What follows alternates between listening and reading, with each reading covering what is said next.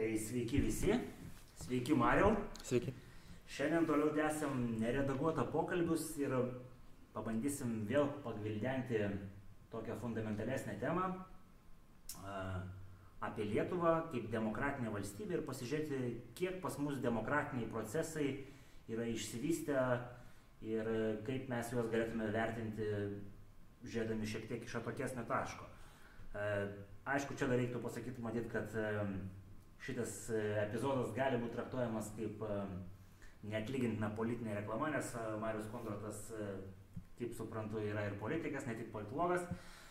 Tai visus šitos dalykus pasakius, galim pradėti. Tai Mariau, tada pirmas toks bendresnis klausimas. Tai kaip ten su ta demokratija Lietuvoje? Ar, ar jos užtenka, ar jos per daug? Kokia situacija pas mus? Na, kai kas šiais laikais demokratiją interpretuoja per keletą tokių pakankamai keistų akcentų. Tai, sakysim, yra gėjų santokos, gėjų šeimos, laisvi abortai, plačios galimybės korupcijai. Ir be abejo, žiūrint iš, šitų pozicijų, kartais kai kam jau atrodo tos demokratijos ir per daug. Iš tikrųjų, demokratija tai yra tautovalda, tai yra tokia santvarka, kurioje tauta pati valdo valstybę kaip parašyta ir Konstitucijoje, tiesiogiai arba per išrinktus atstovus. Tai aš manau, mes laidoje įsiplėtosim su konkrečiais klausimais ir, ir, ir pasiaiškinsime iš tikrųjų, ar tos demokratijos pas mus yra per daug ar per mažai, o galbūt kaip tik viskas yra labai gerai. Jo, tai čia aš pritarčiau, kad vienas matyti iš tų pagrindinių demokratijos, o gal čia ne tik demokratijos, gal čia platesnis bruožas yra žodžio laisvė, kuris esmė yra gerokai demokratiniam pasaulyje suvaržytas, bet jo, matyti iki to dar daisim. Tai tada pabandykim gal tas dedamasis demokratijos aptarti ir vieną matyti iš pirmųjų tų dalykų, kurie turėtų būti apžiūrimi, tai yra valdžių padalymas ir tas na, valdžių funkcijų atlikimas. Kaip čia yra Lietuvoje? Na, jeigu kalbėsime apie valdžių padalymą, tai jau matom tokį keistą principą. Tiesa, tas principas yra daugelį vakarų demokratinių valstybių, tai kad vykdomoji ir įstatymų leidžiamoji valdžia nėra iki galo atskirtos. Taip tariant, parlamento nariai kartu eina ministrų pareigas.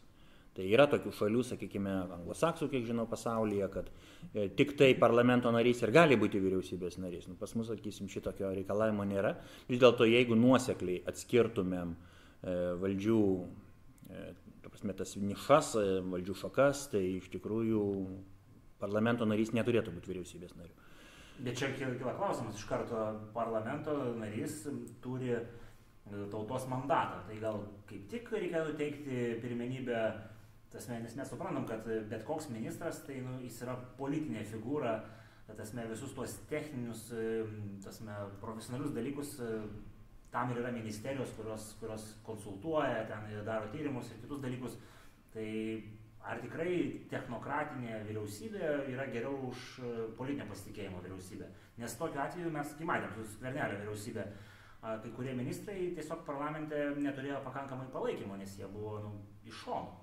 Mano supratimu, vyriausybės narys būtinai turi būti politikas ir pageidautina, kad būtų tos pačios politinės komandos, tai yra partijos narys, kuri deleguoja šitą ministrą. Tačiau mano supratimu jis neturėtų būti parlamento narys, nes parlamentas yra taip pat ne, ne tik tai įstatymų leidžiamoji, tai yra kontroliuojančio institucija. Dabargi išeina, kad parlamento ir vyriausybės nariai, dubliuodami vienas, vienas, vienas kitą, sakysim, nu, tiksliau jų funkcijos dubliuojasi, jie tarsi prižiūri patį save. Supratau, aš pradžioje ne visai supratau to teiginio, dabar aišku, tai kas norima pasakyti, kad e, jeigu jau pradėjai ministro pareigas, atsisakai Seimo nario mandato ir tasme savęs nebe, nebekontroliuoji. Tai būtų nuoseklu, jeigu kalbėtumėm apie valdžių padalymo principą. Bet yra iš tikrųjų ir kitų problemų. Tai yra, kad kai kurios valdžios institucijos atsiduria tiesiog jau ne visai ir savo vietoje. Tai pirmiausia, reiktų pasakyti turbūt apie ketvirtąją valdžią, tai yra būtent apie žiniasklaidą, kuri faktiškai mums parenka rinkimų nugalėtojus. Už ką balsuoja žmonės? Už tuos, kuriuos mato e, televizijoje, už, tai, už, tu, už tuos, apie kuriuos skaito laikraščiuose. Tai kaip kurie žmonės netgi ir sako, kad, reiškia, jum pasakys per televizorių, kas bus prezidentas, kas bus Seimo pirmininkas, kas bus premjeras ir taip toliau. Realiai labai panašiai ir vyksta. Nu, iki žiniasklaidos gal dar daisim, ta prasme, buvo. Jo, aš tiesiog labai trumpai, ta prasme, užsiminiau apie, apie šitą dalyką, kad e, žiniasklaida, mano supratimu, šiandieną yra ne savo vietoje ir kaip tą būtų galima sutvarkyti, tai mano supratimu turėtų būti e, paskirstytas bendrai visiems kandidatams laikas ir, ir visi kandidatai galėtų pasisakyti vienais ar kitais, sakykime, jiems rūpimais klausimais, diskusijose, parodyti, kurie ten iš jų yra geresni ir tautai priimtinesni. Dabargi iš tikrųjų valdo per žiniasklaidą arba nomenklatūrinės partijos, arba didėjai pinigai kada iš tikrųjų vieniems yra suteikiama labai daug eterio, kitiems jo praktiškai nesuteikiama visai, visai išskyrus tas oficialiasias rinkiminės laidas, Bet tai yra labai neproporcinga, ypač jeigu kalbėsim apie internetinę žiniasklaidą, ten taip pat matysime labai didelę disproporciją tarp vadinamųjų sisteminių politikų ir nesisteminių politikų. Dar viena institucija, kuri ne visai savo vietoje, tai yra būtent teisminė valdžia, na, ne institucija, bet institucijų tinklas. Tai gal pabandom tada pailiui, kadangi jau paminėta buvo tiek žiniasklaida, tai pabandykim gal pasižiūrėti šitą žiniasklaidos reikalą. Pats minėjot, kad neproporcingai laikas paskirstumas čia matyti referuojat į buvusius prezidento rinkimus, kai daliai kandidatų nebuvo suteikta eterio tam tikrose didžiausio masto debatuose, nacionalinėje bibliotekoje ten ir, ir panašiai, motivuojant, kad jie neva yra nu, nekonkurentai.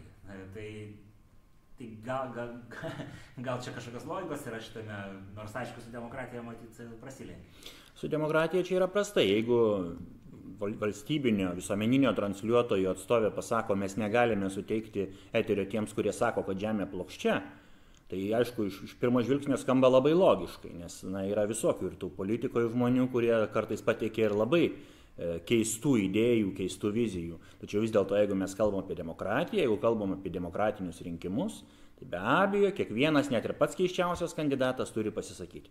Arba turi būti ekspertizė, per kurią atliekama, ta prasme, atliekamas tyrimas ir pasakoma, kad e, tam tikras kandidatas yra neveiksnus, bet kol kandidatas nėra pripažintas neveiksniu, jis privalo turėti lygias galimybės pareikšti savo pozicijas. Tai čia, suprantu, netgi jeigu kandidatas vykdo kažkokią propagandą, pavyzdžiui, kažkitų valstybių ir tokiu atveju jam reikėtų duoti eterį. Nu, aš čia referuoju, kad galbūt hipotetiškai galėtų būti nedraugiškų valstybių kandidatų. E, čia yra atskiras klausimas, labai rimtas, labai svarbus. Mano supratimu, turėtų būti e, jau kita įstatymų bazė, kitas įstatymų paketas, pagal kurį priešiškų Lietuvai jėgų arba valstybių E, atstovai apskritai neturėtų gauti viešojo eterio. Apskritai neturėtų gauti viešojo eterio ir neturėtų būti registruojami kandidatais. Tai va čia iš tikrųjų galbūt biški oftopinis klausimas, bet vis tiek paklausiu. Tai pavyzdžiui, kai Lenkų rinkimų akcijos e, būsimas sąrašo lyderis e, lygina 2008 ar 2009 metų, dabar nepasakysiu tiksliai, veiksmus mūsų tarnybų prie Seimo su OMONO vykdoma veikla E, Minske toks kandidatas, kaip čia reikėtų įtraktuoti, kaip demokratijos žodžio laisvės, e, ar, ar, ar čia jau peržengtas raudonos linijos? Geras klausimas, iš tikrųjų nėra taip lengva atsakyti, nes išoriškai tie atvejai atrodo tikrai panašus. Ir vienu ir kitu atveju buvo panaudotas smurtas, galbūt skirtumas yra tik tai mastosi. Mes galime ir daugiau tokių pavyzdžių pateikti, tai sakysim, Gardevos visą istoriją, kur buvo trypiami, trypiami žmonės tiesiog ir pagyvenę žmonės, tiem ten rankos laužomos. E, kitas neseniai įvykęs, tiesa, toks vienetinis atvejis, tai buvo susidorojimas su lietuvių kalbos mokytoja Straginovaitė Ostrauskaitė kuri mosavo valstybinę vėliavą ir vienai policijos pareigūniai tai nepatiko, vėlgi buvo užlaužta žmogui rankos ir, ir, ir panašu, kad buvo pažeisti ir įstatymai, bet tos dalykus jau aš tikiuosi išsiaiškins teismai. Tačiau faktas, kad tokių vat, neadekvačių jėgos panaudojimo atvejų Lietuvoje taip pat yra. Tik tai be jokios abejonės yra ne tie mastai. Tai vat, jeigu mes nenorim būti panašus į Baltarusiją, Rusiją, Šiaurės Koreją ir kitas represinės valstybės, mes be, be abejo turėtume labiau prižiūrėti ir teisės saugą. Jo, čia, čia dėl to matyt niekas nesiginčys, nors paminėti atvejai labai skirtingi, bet gal nesiplėskime juos, nes čia reikėtų atskiros laidos. Kitas dalykas, ką minėjot, kad internetinė erdvė neproporcingai padalinta, bet čia susidurėm su tokia problema, kad dauguma internetinės erdvės neskaitant LRT portalo, yra nevalstybinė ir čia jokio, jokio padalinimo, jokios demokratijos matyti ir negali būti iš esmės laisvoj, laisvoj rinkoje. Na, čia galimi įvairūs vertinimai, galimi įvairūs sprendimai. Vieną iš sprendimų buvo pasiūlysi viena iš neparlamentinių partijų, čia veros dar prieš keletą metų, tai kad apskritai rinkimų kampanijoje galėtų dalyvauti tik tai visuomeniniai žiniasklaidos kanalai. Ir tenais būtų proporcingai paskirstytas laikas visiems, ta prasme, būtų suteiktos tos lygios galimybės. Na, Bet kas yra tie visuomeniniai žiniasklaidos kanalai? Pavyzdžiui, mes dabar vat, nepriklausomam podkastą diskutuojam, tai greičiausiai mes jau būtume užribis ir negalėtume kalbėtis apie tokius dalykus. Taip, lieka šitas klausimas pakankamai atviras, būtent šio sprendimo atveju. Kitas sprendimas tai yra vis tik tai e, labiau padaryti visuomeniniu, tą visuomeninį transliuotoją, kad jame būtų, sakykime, ta, ta, ta, tas tos jau lygios proporcijos, na, o o privatūs žiniasklaidos kanalai yra privatūs. Tai galbūt būtų kitas sprendimas tiesiog suteikti visiems lygų eterį per visuomeninį transliuotoją. Šiuo metu to lygaus eterio nematome. Dar vienas dalykas, kurį paminėjot, kad e, problema galėtų būti tai, kad žiniasklaidą valdo politinis elitas, finansinis elitas, kažkoks kitas elitas, kabutės, aišku, naudoju tą žodį elitas. Kaip vat, šitą problemą spręsti, nes nu, pasigirsta, kad nacionalinis transliuotojas neva yra, e, pa, kaip čia sakyti, jam priimti, priimtinesnė yra viena politinė jėga ar kelios politinės jėgos, e, ar čia reali problema? Tai yra labai reali problema iš tikrųjų. Ir pateiksiu vat, vieną labai konkretų pavyzdį, kurį pats stebėjau. Tai buvo laida apie kovo 11-osios e, patriotinės eitinės. Sukviesti vien oponentai. Ir kai kažkas ar tai telefonu, ar tai internetu paklausė laidos vedėjos rytos miliutės, kodėl jūs nepakvietėte kažko tai iš šito renginio rengėjų, atsakė, aš tokių žmonių nekviečiu ir niekada nekviesiu. Tai yra praktiškai tiesioginė citata. Bet čia apie kurias kovo 11 eitynės kalbam, čia kas jas organizavo? Nu, tuo metu juos organizuodavo tokie žmonės kaip Julius Panka, Richardas Čekutis, Gintaras Ongaila iš dalies, dabar jas pagrindė organizuoja Sakalas Grodėckis. Tai čia yra netaip, netaip svarbu, nes iš tikrųjų organizuodavo e, skirtingi asmenys, tarp skirtingais, metų, skirtingais laikais. Ne, ne apie šių metų. Tai viena, viena iš praeitų ir ten vienas iš organizatorių buvo Julius Panka, buvo paklausta, kodėl jis nebuvo pakviestas, tai atsakė, kad aš tokių žmonių nekviečiu ir nekviesiu. Nu, čia galbūt reiktų paminėti, kad e, nacionalizmas yra nelabai priimtinas e, nacionaliniam transliuotojui, kaip, kaip be būtų paradoksalu. E, taip, bet klausimas, ar tas nacionalizmas nėra priimtinas visuomeniai, ar, ar, ar apskritai visuomeninis transliuotojas turėtų teisę spręsti tokius dalykus, kas turėtų būti priimtina ar nepriimtina visuomeniai. Tai jeigu yra aptariama konkreti tema, yra dar nuo senovės romėnų laikų žinomas posakis audiatorė altera pars, iš, te būna išklausyta ir kita pusė. Šiuo atveju tos kitos pusės nebuvo. Kiti atvejai, kuriuos taip pasiteko stebėti, tai būdavo, kad, sakykime, susikviečia kokius nors keturis ar penkis ekspertus ir iš kitos pusės reiškia vienas koks nors labai odiozinis politikas pastatytas jau, jau tai alternatyviai pozicijai tarsi išreikšti. Na ir aišku, kad vėlgi yra formuojama iš anksto nuomonė, kad žiūrėkit, nu, jeigu apie tradicinės vertybės, tai pastatom kokį nors, sakykime, Petrą Gražulį, kuris toj pačioj visuomeniai e, vertinamas, sakykime, pakankamai prieštaringai. Jeigu kalbam ten, sakysim, Apie abortus tai pastatom kokį nors ten Lenkų rinkimų akcijos veikėją, kur irgi visuomenė vertina prieštaringai ir taip toliau ir panašiai. Tai iš tikrųjų taip yra formuojama nuomonė, tai yra, yra visa, visas spektras tų vadinamų propagandos linijų, tai yra baltoji, pilkoji, juodoji propaganda.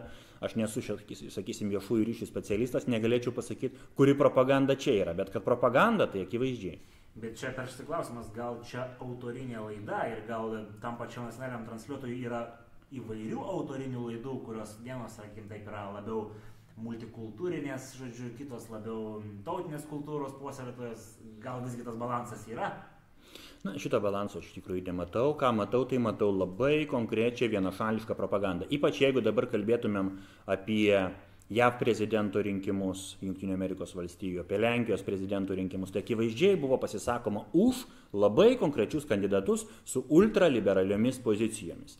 Ir, ir tai nėra tik tai, tik tai, tik tai sakykime, vat, tarptautinių santykių klausimų, tai yra taip pat ir vidinės politikos klausimai, sakysim, jeigu pasižiūrėsime dabar į e, nacionalinio transliuoto internetinį portalą, tai ištisai varoma homoseksualizmo propaganda. Ištisai. Pasme, homoseksualios šeimos, kaip ten jos mielai sugyvena, kaip jos gražiai augina vaikus, nors netgi pagal dabar galiojančius Lietuvos valstybės įstatymus, šitos laidos ir šitie šitų portalų, sakysim, tokie tekstai, jie yra nelegalūs, nes yra nepilnamečio apsaugos nuo neigiamo viešosios informacijos poveikio įstatymas, kuris nėra atšauktas, jisai yra galiojantis. Bet teismų praktikoje e, mes vėlgi matom, čia dar būtų atskiras klausimas, ta prasme, e, apie teismus, bet mes matom, kad įstatymai tai yra viena, O teismų praktika yra kita, nes buvo iškeltos, ta prasme, bylos va šitiems tokiems transliuotojams už tokias laidas, už tokius tekstus ir nei vienas iki šiol nebuvo nuteistas. Tai rodo, kad vis tik tai, ką priima parlamentarai yra viena, o ką daro teismai yra kita. Pagaliau konstitucinis teismas. Konstitucinis teismas jis apskritai iškėlė save aukščiau konstitucijos ir vadinamoji konstitucinė doktrina, kurią formuoja konstitucinis teismas, šiuo metu yra aukščiau konstitucijos bei įstatymų. Tai yra iš tikrųjų visiškai nenormali padėtis ir e, jeigu taip kalbant apie demokratiją, valdžių padalymą ir atitinkamą funkcijų paskirstimą, tai teisminė valdžia neturėtų būti aukščiau įstatymų leidžiamosios valdžios ir konstitucinis teismas neturėtų interpretuoti pačios konstitucijos, o turėtų aiškintis įstatymų atitikimą konstitucijai. Tai visiškai kita funkcija. Jo, tai čia iki teismų dar prieisim, čia norėjau replikuoti į tą neigiamos įtakos įstatymą. Nu, pabandysiu dabar atstovauti oponentų liniją. Pagal tai, kur juda ES, ne tai, kad kur juda, bet kur jinai yra, tai matyti paminėtus homoseksualios šeimos nėra vertinama kaip neigiama įtaka. Tai čia jau yra interpretacijos klausimas ir gal tada nėra problemos. Įstatymė labai konkrečiai apibriešta, kad bet kokių alternatyvių konstitucijai ir civiliniam, e, taip sakant, kodeksui šeimų propagavimas yra neigiama informacija. Bet mes neturim tokio režimo konstitucijai, kad, e, kad kažkas yra nu, neigiamo. Tiesiog ten nu, nėra paminėta, kad yra, kad yra toks dalykas kaip ir nu, nėra teigiama, bet, bet neigiama nėra. Ten konkrečiam straipsnėje yra įvardintos kartu šeima ir santoka. Taip nėra pasakyta, kad šeima kyla tik iš santokos. Ir buvo čia bandymų ir parlamente šitą straipsnį dar tikslinti. Vieno Seimo nario nebalsavimu šitas įstatymas nebuvo priimtas, bet e, vis dėlto pačioje konstitucijoje yra santoka ir šeima įvardinamos kartu ir tai rodo, kad vis dėlto jos yra susijėtos. O apie pačią santoką yra labai aiškiai pasakyta, kad jis sudaroma tik tai laisvų vyro ir moters susitarimu. Nu ja, čia vėl labai plati tema, matyti daugiau neįsiplėskime, nors čia aišku, kad kyla klausimų. Dar visgi žiūrint tą žiniasklaidą ir perinant prie kitos potėmės, e, žiniasklaida kaip politinis įrankis rinkimų, tasme, baigties formavime, nes po to matyt pakalbėsime apie rinkimų sistemą Lietuvoje ką dar čia galima būtų pridėti? Ar, ar tasme, pavyzdžiui, tokie dalykai kaip kažkokie skandalai ir jų išpūtimas, e, tol kol nėra teisminio įvertinimo žmogaus nuteisimas, kas šiaip tai irgi neturėtų būti pagal nekaltumo prezumciją, ar čia yra problema su žiniasklaida, kai yra eskaluojami kažkokie skandalai ir pateikiami vertinimai, kažkokie nuomonės formavimai.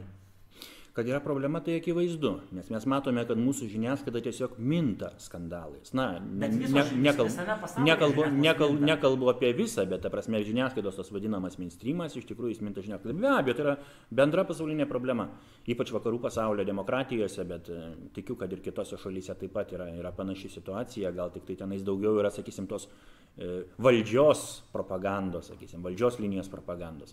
Bet e, be abejo, yra ta problema, bet vat, kaip ją spręsti, o tiesą sakant, šiuo metu atsakymą būtų labai sunku ir surasti. Sakysim, iš tos problemos kyla vėlgi atitinkamos problemos, kad kai kurie politikai atsidūrė užrybėje, arba niekada iš jo ir neišėję, jie sąmoningai siekia skandalų, nors patys iš prigimties nėra jokie skandalistai. Aš pats esu susidūręs su e, tokiais kolegomis, kurie sako, mums reikia skandalų, nes kitaip mūsų nematys. Mes padarykim skandalą, tada mus pamatys, tada galėsim jau pasakyti ir kažką protingo, racionalaus, galbūt ir, ir tinkamo civilizuotai politiniai diskusijai. Tai patys politikai tokiu būdu yra pastatomi į labai labai kvailą padėtį.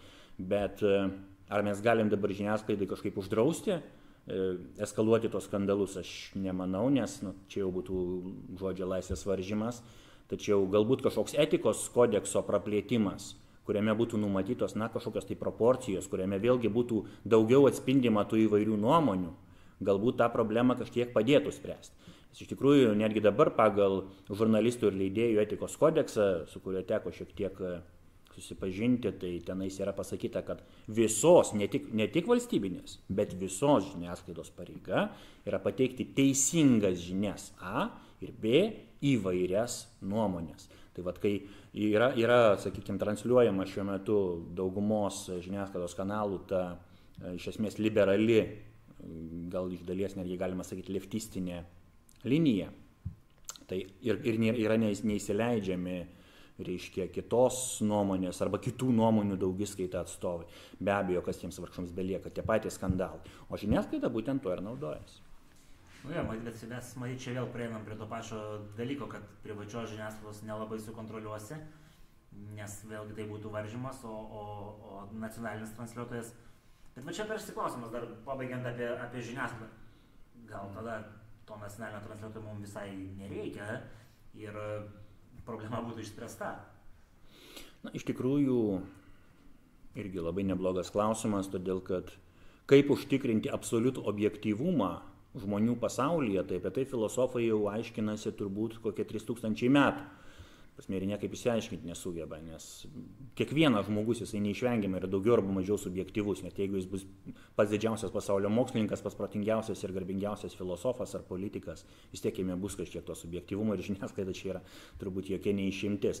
Bet vis dėlto yra toks posakis rusiškas, sako, visos degtinės pasaulį neišgersi, bet stengtis reikia. Tai va čia irgi panašiai, objektivumo absoliutaus mes niekada nepasieksim, bent jau šitoj žemėje, gal kai dangoj būsim bus kitaip, bet e, siekti to reikia. Ir, sakysim, tiek tam tikri įstatymai, tiek, ta, tiek, tiek sakykime, etikos kodeksai, jie galėtų bent iš dalies padėti šitą problemą spręsti. Tikrai taip, e, vėlgi labai fundamentali tema, čia daugiau toks gal mūsų įžanginis ciklas, tai pabandykim tada perėti prie kitos e, temos, tai yra matyt viena iš platesnių potemių, tokia techninė, bet pakankamai svarbi, tai yra Seimo rinkimų ir ne tik Seimo, dabar kalbėsime apie Seimo rinkimų sistemą. Kiekviena valdžia vis prisimena Seimo rinkimų tvarkos uh, niuansus ir peripetės, kai būna likę per mažai laiko iki ateinančių rinkimų. Bet vat, dabar iš tikrųjų, kai neužilgo už, už 42 dienų turėsim uh, nu, ne už 40 dienų turėsim, bet už 42 dienų prasidės nauji Seimo rinkimai ir po jų bus e, nauja, nauja ar sena, bet bet kokiu atveju naujam e, terminui išrinkta valdžia. Matyt, būtų puikus momentas, puikia proga iš esmės e, patobulinti, jeigu reikia, to įsiaiškinsim, Lietuvoje esančią rinkimų sistemą. Tai vad, Mariau, pats kaip politologas šios temos matyti esi pakankamai ne, ekspertas didelis kaip čia Lietuvoje yra ta sistema ir kokią mes ją turim, kokia jinai pas mus buvo pirmosios Respublikos e, tarpukarį laikų ir ką mes galime pasimokyti iš pasaulio pavyzdžių. Na, iš tikrųjų, dabartinė Seimo rinkimų sistema tai turbūt yra vienas iš nedaugelio gerai veikiančių mechanizmų mūsų, tai sakykime, demokratijos būkliai, kurioje mes dabar esame. Nes viena vertus yra atstovaujami regionai, per vienmandatės apygardas, kita vertus yra atstovaujamos įvairios e, ideologinės kryptys per partijas, per partijų sąrašus. Ir iš tikrųjų labai e, graudu kartais būna, o net ir jokinga e, stebėti tokius populistinius kai kurių visuomenės veikėjų pasisakymus, kad reikia naikinti sąrašus, nes per juos praeina tie žmonės, kurie šiaip nepraeitų. Nu, nepatinka jiems tie žmonės, reiškia, kurie praeina. Bet iš tikrųjų modernios politinės partijos tai turbūt yra vienas geriausių civilizacijos išradimų, kada egzistuoja politinės grupės, atstovaujančios skirtingoms ideologijoms, skirtingoms vizijoms ir galinčios bendroj diskusijoje, na, aptarinėti tas vizijas, idėjas, pateikti visuomenį ir, visuomenė, ir, ir visuomenės įvairūs sluoksniai, įvairios pakraipos gali rinktis tada iš tų idėjų kurios yra geriausios. Aišku, yra kita, kita labai didelė problema, kad partijos praranda savo ideologinį tapatumą. Čia vėlgi, čia ne vien Lietuvos, čia yra gal netgi labiau, sakykime, vakarų Europos problema, iš, iš dalies, sakysim, Šiaurės Amerikos, kad partijos niveliuojasi iš tikrųjų ir tiek vienos, tiek kitos jos pradeda atstovauti tai pačiai ideologijai. Kažkuris iš liberalizmo klasikų, dabar bijau sumeluoti, kuris, mm, gal McIntyras, bet nu, ne, neminėsiu, tarsi tikslių pavardžių, nes dabar, dabar tikrai neprisimenu, kuris pasakė, kad šiuo metu mes renkamės iš skirtingų liberalų partijų. Iš tikrųjų tai ir tai yra labai didelė problema, bet partinių sąrašų panaikinimas tos problemos e, neatšauks. Jau čia noriu įsiterpti ir klausimas galbūt ne tiek, kad ar vertėtų panaikinti proporcinės sistemos tą dedamąją dalį Lietuvoje, kuri, kaip ir pats paminėjote, ideologinį atstovavimą tą platesnį pateikia.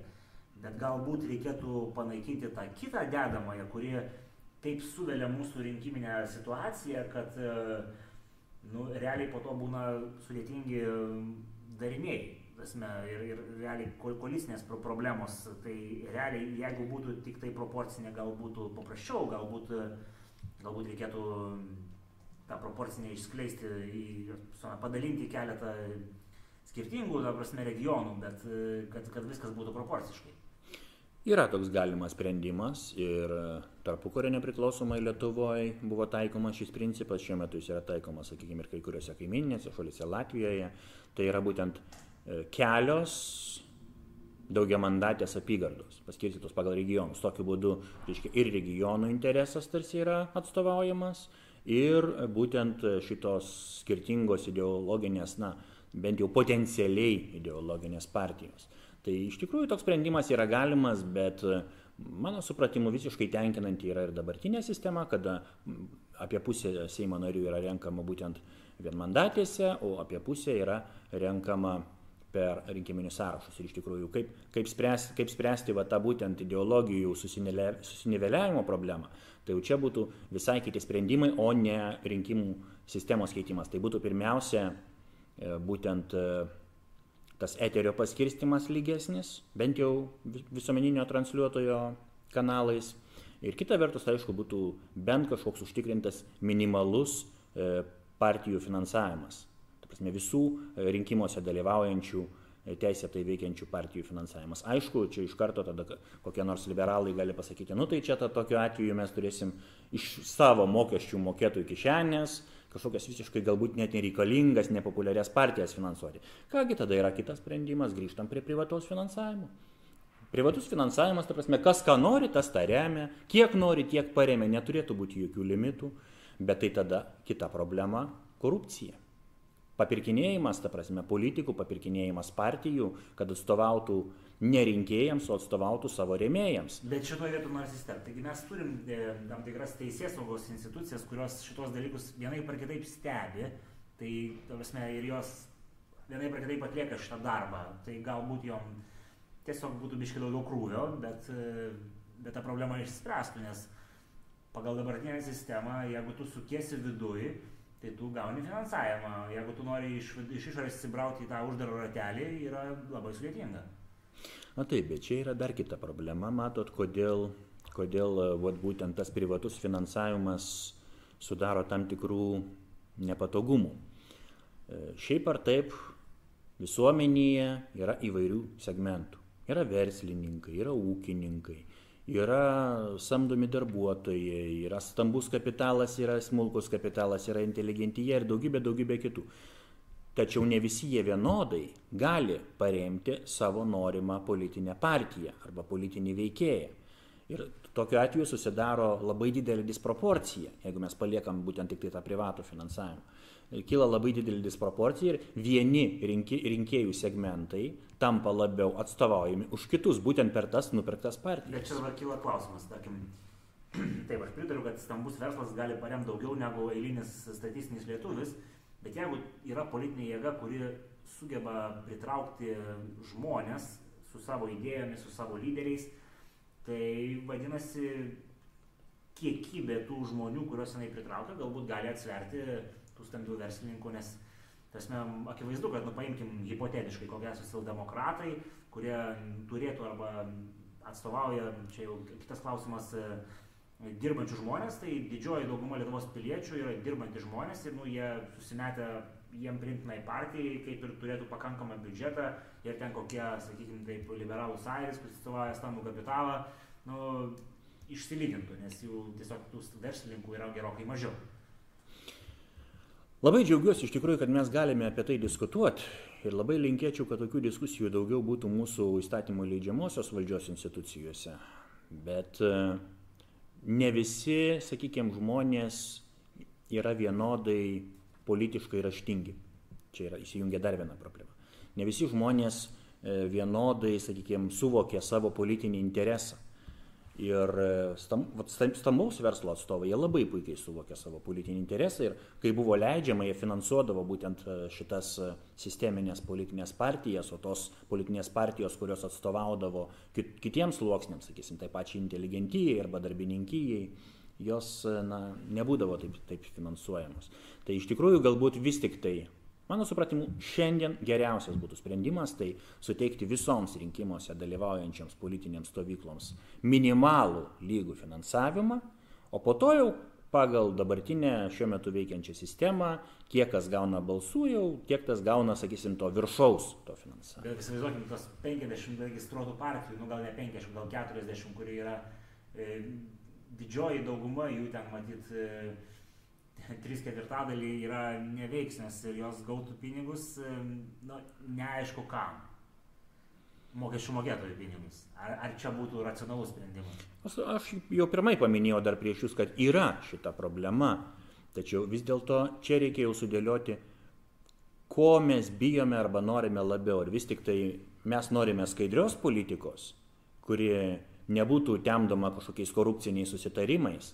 Ar vis dėlto mes norime tokios politikos, kur būtų na, labiau atstovaujama žmogaus, sakykime, ta pasirinkimo laisvė, va čia atveju finansavimo pasirinkimo laisvė, kur nebūtų, sakysim, kažkas tai įmama iš mokesčių mokėtojų, galbūt jiems patiems ir nenorint, bet už tai turėtumėm, na, tokią stipriau, sakykime, sąlygojama vienų visuomenės segmentų negu kitų vat, e, interesais.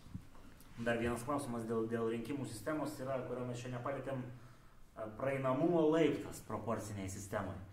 Čia visai neseniai buvo kilęs tas vajus sumažinti nuo 5 procentų partijom ir 7 procentų koalicijom tą laiptą, nes laipto mažinimo šalininkai sako, kad esant tam dideliam laiptui ir kadangi Lietuvoje yra pakankamai daug politinių partijų besirungiančių, mes šia prasme esam labai panašus į kaimynus, kurie turi proporcinę sistemą, nors pas mus tokia jinai mišri. Ir daug balsų yra nueina veltui ir ne tai, kad veltui, jie po to yra pridedami rinkimus laimėjusiam, tarsi proporcingai.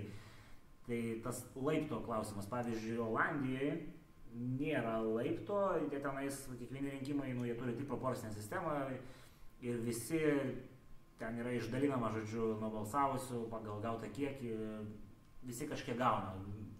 Ar čia yra reali problema tas laiptas pas mus, ar, ar, čia tiesiog um, papildomas trigeris kažkam tai um, kelti šitą klausimą?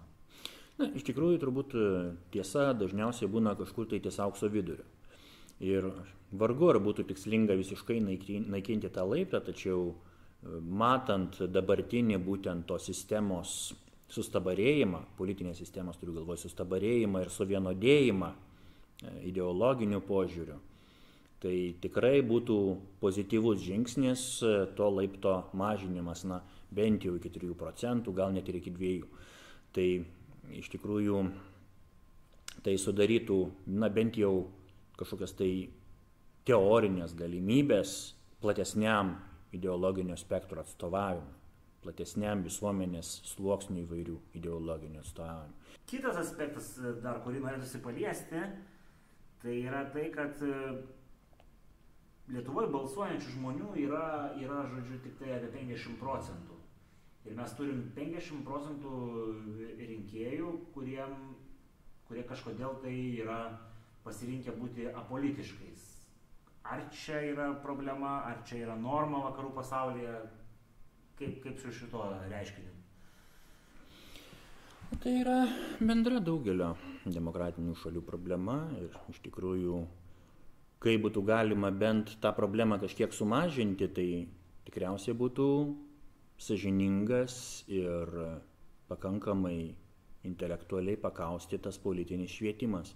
Šiuo metugi mes matome skandalus, kaip ir minėjau, matome e, juodinimą vienų jėgų ir, ir sakykime, garbinimą kitų o normalios, sažiningos diskusijos labai mažo. Aš e, prisimenu, sakykime, tuos laikus, kai Lietuva dar nebuvo įstojusi į Europos Sąjungą, kaip vykdavo diskusinės laidos politiniais klausimais. Tai buvo kviečiami patys įvairiausi atstovai, netgi neturintys už savęs kažkokio tai plataus rėmėjų rato, bet turintys, sakykime, poziciją, kuri kažką tai galėtų sudominti. Buvo tokia laida, sakykime, paskutinė kryškelė, labai puikus pavyzdys, kada buvo kviečiami labai įvairių žmonės kalbėti pačiais įvairiausiais klausimais. Dabargi mes matome laidas, kur yra kviečiama arba vien tik tai sistema tarpusavį diskutuoti, arba, na, sakykime, kaip aš ir minėjau, pateikiamos nelygios proporcijos ir, ir pučiami, pučiami kažkokie tai vienašališki tokie vat, sprendimai, vienašališki vertinimai ir taip toliau. Tai jo, tai čia matyti dar šitoje vietoje galėtume tą politinį išprusimą panagrinėti plačiau. Tai ar čia yra bendra mūsų švietimo sistemos dalis? Žiniasklaidos daugiausiai. Ar, ar čia visuomenės bukėjimo problema, ar čia žiniasklaidos? Bukinimo, kolega. Ne bukėjimo, bukinimo. Sąmoningo bukinimo, nes buką liaudį lengviau valdyti.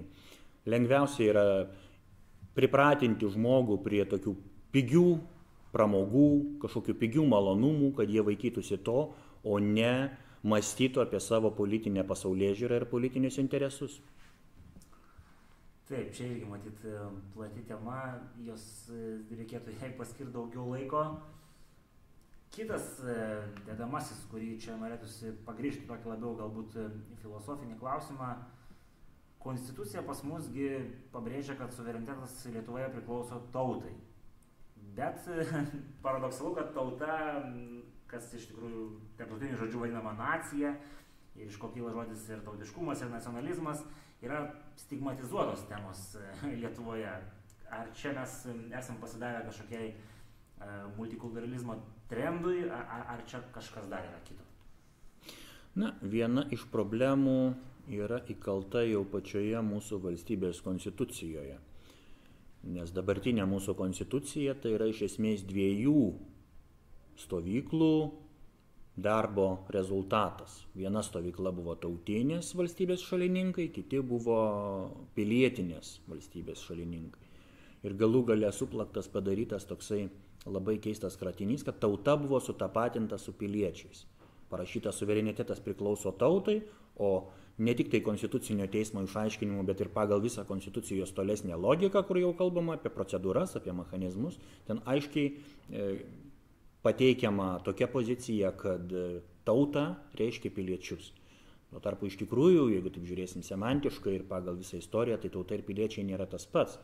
Iš tikrųjų, ir jeigu mes kalbame apie pilietinę tautą, dabar jau ir tokia savoka pilietinė tauta, politinė tauta, mes išplauname pačios tos tikrosios etninės tautos kontūrus. Mes pasakom, nu tai reiškia, jeigu atvažiuosi į Lietuvą koks nors e, arabas, reiškia gaus Lietuvos pilietybė, jis bus lietuvis, jeigu kinas atvažiuos, reiškia gaus pilietybė, jis bus lietuvis. Šito keliu nuėjo Prancūzija ir mes matom, kur tai nuvedė. Jie įsivaizdavo, kad užteks e, tos atvykstančių žmonius, žmonės iš trečiojo pasaulio išmokyti prancūzų kalbos ir išdalinti prancūziškus pasus ir jie taps prancūzais, bet tie žmonės, kai jūs susidaro gausesnė grupė, jie visai nebenori būti prancūzais. Galbūt ten pirmieji tie imigrantai ir norėjo, dabartiniai tie atvykę žmonės ir jų palikuonys visiškai nebenori būti prancūzais, arba jie save suvokia visai kitokiais prancūzais. Taip yra ir tokia savoka kaip prancūzas musulmonas, kai kurie žmonės savęs tokiais laiko. Bet tie žmonės neturi nieko bendro su istorinėmis tenais gyvenančiomis tautomis, aš kalbu ne tik apie prancūzų tautą, ten yra ir bretonai, ir provansalai, kitos tautos, sakysim, ten vokiečių yra šiek tiek. Bet, bet, bet, bet, jie, bet, bet būtent tie atvykę žmonės neturi nieko bendro su šitų istorinių tautų tapatumu. Tai aš pat norėčiau, norėčiau pasakyti, kad e, jeigu mes vis dėlto kalbam apie piliečius, tai reikėtų ir kalbėti apie piliečius, nepainiojant to su tauta. Bet yra kita problema, tiesioginė, kur, kur pats e, uždavėte savo klausimą. Be abejo, šiandieną tauta, ar ją, netgi jeigu suvoktumėm ir pilietinę prasme, jinai nėra faktinis valstybės suverenas. E, nes jai yra palikta praktiškai tik tai elektorato funkcija.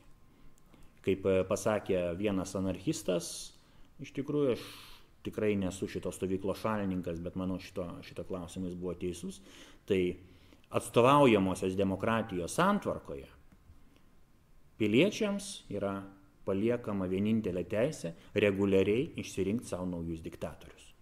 Ir mes dabar turim šitokią padėtį, nes pagal mūsų konstituciją, jeigu žiūrėsim, teoriją, tenais yra pasakyta, tauta valdo save tiesiogiai arba per išrinktus atstovus. Bet dabar tautai valdyti save tiesiogiai yra praktiškai užkirstas kelias, sur, referendumui surinkti parašus yra labai sudėtinga, referendumai praktiškai yra atšaukti netgi pagal e, vieną iš paskutiniųjų konstitucinio teismo, teismo sprendimų. E, parlamentas turi teisę nurodyti, kokius referendumus leisti, kokius referendumus neleisti rengti.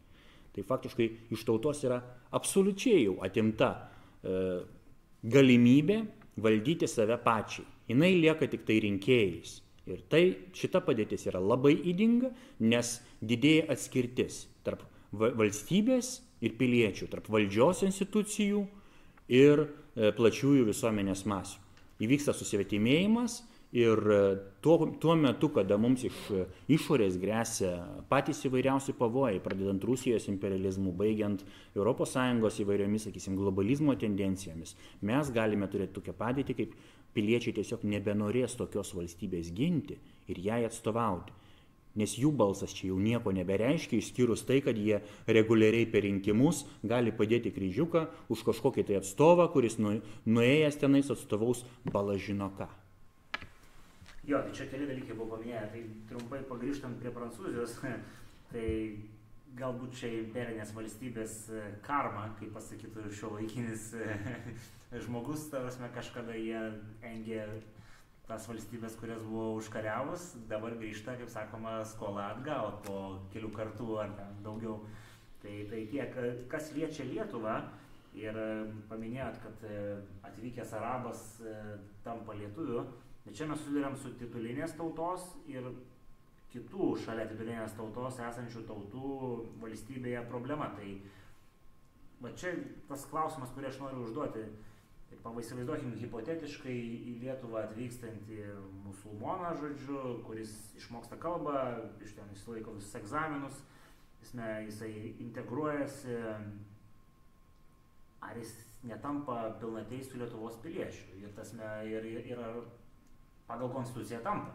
Piliečių taip, bet ar lietuvių? Ar, ar būtina šitą savokas tapatinti? Nes čia yra, kaip pasakus, tai praktinės reikšmės to, kad mes jį pavadinsim lietuviu, jam kažkokios tai neturės.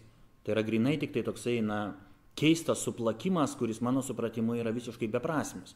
Kai man te, teko diskutuoti savo laiku su e, Marko Zingeriu, Lietuvos žydų bendruomenės atstovu, jisai sakė, jeigu mes e, sutapatintumėm lietuvį ir Lietuvos pilietį arba gyventoją, tai mes turėtumėm labai platų kaip lietuvių tauta paveldą. Ten Markas Šagalas, sakykime, ir visi šitie išvykę Litvakai, kurie galbūt net Lietuvoje jau nebegyvena, jų, jų protėviai gal čia kažkada gyveno, bet tai būtų irgi mūsų lietuvių kultūros paveldas.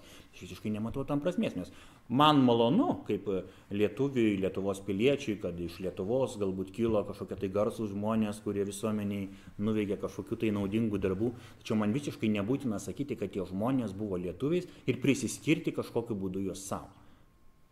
Lietuviai yra lietuviai, Lietuvos žydai yra Lietuvos žydai, Lietuvos totoriai yra Lietuvos totoriai ir visi kartu sudaro tą politinį organizmą. Mano supratimu, tai yra visiškai priimtinas sprendimas.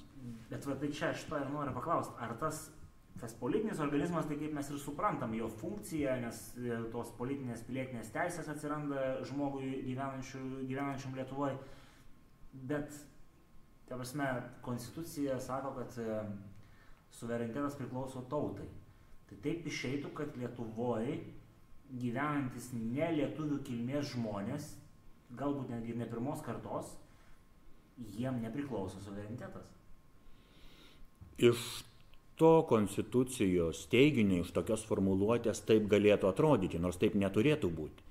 Nes toj pačioj konstitucijoje pagal visas demokratinės normas yra pasakyta, kad visi piliečiai yra lygus, nežiūrint tautybės, kilmės, lyties, sakykime, turtinės padėties ir taip toliau, socialinės padėties ir taip toliau. Tai iš tikrųjų, mano supratimu, vat, būtent šitam konstitucijos straipsnėje, kur yra kalbama apie suverenitetą, turėjo būti paminėtas žodis piliečiai. Bet e, kai kas labai norėjo e, taip romantizuoti, sakykime, gražiai, gražiau taip pateikti e, savoką, reiškia, šitam kontekste ir įvardino tautą. Ir, ir iš to kyla problemų ir tautiškumui, ir pilietiškumui. Nes kaip pats teisingai pastebėjote, iš tokios formuluotės, jeigu ateitų, sakykime, kokie nors jau tokie radikaliai nacionalistiniai sluoksniai, aišku, tai yra grinai hipotetinė prielaida, bet jeigu tokie ateitų, jie galėtų pasakyti, va, suverenitetas priklauso tautai, totoriam nepriklauso, karaimam nepriklauso. Tai viena problema, bet kaip sakiau, šita daugiau hipotetinė, bet praktinė reali problema yra, kad būtent pats tautiškumas nukenčia. Prasme, mes pradedam laikyti lietuviais bet ką, kas nėra lietuviai. Tai iš tikrųjų, mano supratimu, tautiškumas, būtent tas tautinis principas konstitucijoje turėjo būti ginamas visiškai kitais e, principais. Ta prasme, kad yra titulinė tauta, aplink kurią, kaip labai gražiai pateikė mūsų e, prezidentas Antanas Metona, aplink kurią klyjuojasi visos kitos tautinės bendrijos, kurios irgi nuo seno čia gyvena Lietuvoje. Ir tai nėra svetim taučiai, tai yra kita taučiai, savi piliečiai, kurie tiesiog priklauso kitoms e, kultūrinėms etninėms bendrijoms, bet jie mums nėra svetimi. Tai jeigu aš teisingai suprantu, čia mes tada kalbam ne apie kažkokį praktinį tautos ar tautiškumo, praktinę tautos tautiškumo reikšmę, bet labiau tokią apie fundamentalę, kad e, suplakamos yra tokios e, filosofinės, sakykime taip, savokos su labai tokiam e, biurokratinėm, aš kalbu apie tautiškumą ir pilietiškumą. E, iš dalies taip. Gerai, tai labai neįsigilinant šitą temoje, dar norisi kitas paliesti, va šiek tiek jau aptarėm, kad vietinių bendruomenių klausimas yra, ar Lietuva yra pakankamai įtraukus Lietuvoje esančias tautinės bendruomenės, vietinės bendruomenės, kaip jas be pavadintum, turime didžiausia ir skaitingiausia yra Lietuvos Lenkai. Ar jie yra integruoti ir jie yra lietuviai, ar juos reikia integruoti iš jų padaryti lietuvius, ar jiem reikia palikti, kaip jie patys sako, autarcham Lietuvos, žodžiu, daugiau laisvės ir galimybės jaustis uh, Lenkais gyvenančiais Lietuvoje? Na, kai išgirstu klausimą apie bendruomenių įtraukimą į politinį procesą, tai aš pirmiausia kalbėčiau gal net ne apie tautinės bendruomenės, bet kalbėčiau apie tas pačias smulkiausias vietinės bendruomenės, kurios gyvena labai konkrečioje gyvenvietėje. Tai mes iš tikrųjų esam viena iš tų šalių, kuriuose apskritai nėra pirmojo lygio savivaldos. Tai yra labai didelė mūsų demokratinės e, sistemos įda. Mes e, neturime renkamos seniūnijų valdžios. Seniūnyje tai yra tiesiog savivaldybės funkcija, seniūnas yra skiriamas. O juk seniūnas tai yra tas pirmasis e, pareigūnas, pirmoji valdžios institucija, su kuria susiduria tos, sakysim, kažkokios mažesnės gyvenvietės arba kažkokia tai, sakykim, miesto rajono seniūnijos, sakykim, žmogus. Jis pirmiausia eina pas seniūną tas seniūnas nėra jo, tas seniūnas nuleistas iš viršaus. Tai aš e, manau, kad vienas iš galbūt tokių svarbiausių klausimų ir šituose Seimo rinkimuose, renkantis e, įvairius kandidatus ir partijas, tai bus būtent tai, ar tie politikai yra už pirmosios savivaldos grandies sugražinimą. Tuo labiau turint galvoj, kad prieš kariniai Lietuvoje, kuria yra vadinama nedemokratinė, autoritarinė ir visokia ten netgi fašizmo visokios etiketės yra klyjuojamos, joje buvo šita pirmo lygio savivalda. Iškai ten demokratijos bent jau tam tikrais aspektais buvo daugiau. Čia vad norisi paklausti, kurios, pradėkime gal nuo to sisteminės politinės partijos kelia šitą klausimą, kad reikėtų uh, kad reikėtų peržiūrėti savivaldos tam žemiausiam sluoksnėje mm, sisteminius dalykus. Ar tokių yra? Jeigu kuri nors apie tai ir kalbėjo, tai ne viena jų turėdama, valdžio, turėdama valdžią to nepadarė. Tai mes faktiškai šiuo metu matom tokį, tokios problemos kėlimą realiai tik tai antisisteminėse jėgose, tokiuose kaip ta pati centro partija tautininkai, arba, na, kiek žinau, taip pat šitą klausimą kelia ir Santalka Lietuvai. Ja, čia matyt, e, nes neperskaičius su programų pastarųjų rinkiminių mažai ką galim pakomentuoti, bet e, manau išsiplėsim šio klausimu kitose epizoduose. Tai pačiai pabaigai galbūt dar reikėtų paliesti, jau šiek tiek užsiminėm pradžioj apie teisminė ir, ir valdžia Lietuvoje ir, ir, ir teisės sauga, ar jos yra pakankamai demokratiškos, ar jos neišeina iš demokratijos rėmų, gal jums kažko trūksta? E, teisminiai valdžiai mes turime tą pačią problemą kaip ir savivaldai. Tai kad e, kaip nėra renkamos pirmojo lygio savivaldos institucijos, taip nėra ir visuomenės atstovų teismuose. Tai iš tikrųjų daugelis šalių turi arba tarėjų institutą, arba prisiekusiųjų institutą, Lietuvoje šito nėra. Ir tai be jokios abejonės sudaro e, sąlygas labai vienašališkiams sprendimams, tai sudaro sąlygas biurokratizmui, tai sudaro sąlygas e, tai pačiai, na iš tikrųjų, kaip čia pasakius, tokiai korupcijai jau minėjau. Išbrauksiu. Tai, na, tai, tai iš tikrųjų sudaro sąlygas e, visuomenės nutolimui nuo valdžios institucijų. O jeigu būtų visuomenės atstovai, tai be jokios abejonės daugelis sprendimų greičiausiai būtų objektyvesni. Tai apibendrinant, kokia visgi ta demokratinė situacija Lietuvoje? Tasme, iš to, ką aptarėm, kiek būtų galima įvertinti kažkokioj skaliai labiau teigiamai, labiau neigiamai, žiūrint su mūsų kaimynais vakaruose, su mūsų kaimynais rytuose? Na, iš tikrųjų, jeigu imsim, dabar pereisim taip, rezumuodami per įvairius aspektus, tai žodžio laisvės situacija pas mus yra prasta. Viena vertus yra suteikiamos e, sąlygos vienašališkai propagandai visuomeniai nepriimtinų ir iš esmės e, netoleruotinų dalykų. Tai tiek sakykime, homoseksualų propagandą, tiek įvairių, sakykime, Lietuvai nedraugiškų režimų propagandą, propagandai.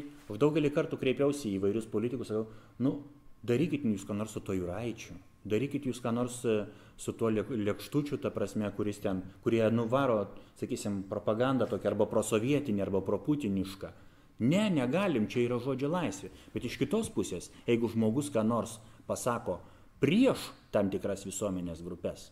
Na, aš tikrai pats netoleruoju antisemitizmo, bet kai už kažkokį tai nepritarimą kažkokiam žydų veikėjui e, arba, arba kažkokiai žydų visuomenės grupiai, sakykime, žmogus yra apkaltinamas antisemitizmu ir jam grėsia būdžiamasis kodeksas už tai, arba kai žmogus pasako kažkokį tai anegdotą apie homoseksualus ir už tai jam keliama baudžiamoji byla, Tai yra visiškai netoleruotini dalykai. Vieniem laisvės pas mus yra suteikta per daug, kitiem laisvės pas mus yra suteikta per mažai. Jeigu kalbėsim apie tikėjimo laisvę, taip, formaliai tikėjimo laisvė Lietuvoje yra, viskas tvarkoja, bet tikėjimo laisvė labai keistai atrodo mūsų valstybėje, e, siejant ją su kitu labai svarbiu demokratijos principu, tai piliečių lygybė prieš įstatymą.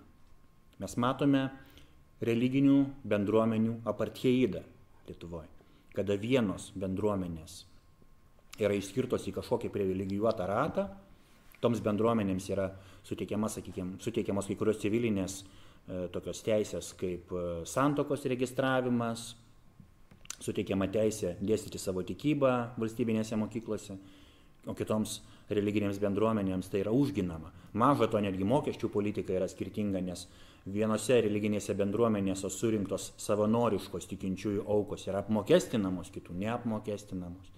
Vieni reiškia ten vienų religinių bendruomenių dvasininkai gauna netgi valstybinės pareigas, ten kapelionų įvairių ir taip toliau, ir, ir gauna valstybinį atlyginimą. Kitų religijų dvasininkai turi išsilaikyti patys. Mano giliu supratimu, apskritai religinė bendruomenė turi išsilaikyti pati. O teisės visom turi būti sudaromos lygės tiek, tiek dėl santokos, tiek dėl tikybos mokymų. Ir, ir beje, toj pačioj neva nedemokratiniai tarpukurio Lietuvoje tokia tvarka ir buvo. Šiuo metu dėja tokios tvarkos nėra. Toliau, jeigu kalbėsim apie tautos galimybę spręsti savo likimą, kaip ir minėjom, šiuo metu tokios galimybės nėra. Jeigu kalbėsim apie savivaldą, ten yra įdinga situacija, pirmo lygio savivaldos nėra. Jeigu kalbėsime apie demokratiją teismuose, jos nėra. Taigi, susumavus visus šitos dalykus, turim pasakyti, kad Lietuvoje demokratijos padėtis yra labai liūdna. Šią tokią drastišką mintim, manau, ir, ir baigime epizodą, tai tikėkime, kad e, naujas Seimas, e, nauja koalicija gebės išspręsti bent dalį problemų, nes visi suprantam, kad idealios situacijos, visų problemų sprendimo tikrai niekas matyti nepasiūlys, to tikėtis naivu, bet gal pasistumėsime į priekį. Tai dėkui, dėkui Mario už skirtą laiką. E, visada malonu išgirsti gilias politologinės, filosofinės išvalgas ir dėkui visiems, kurie, kurie žiūri, kurie subscribina, kurie remia ir iki kitų kartų. Iki malonaus.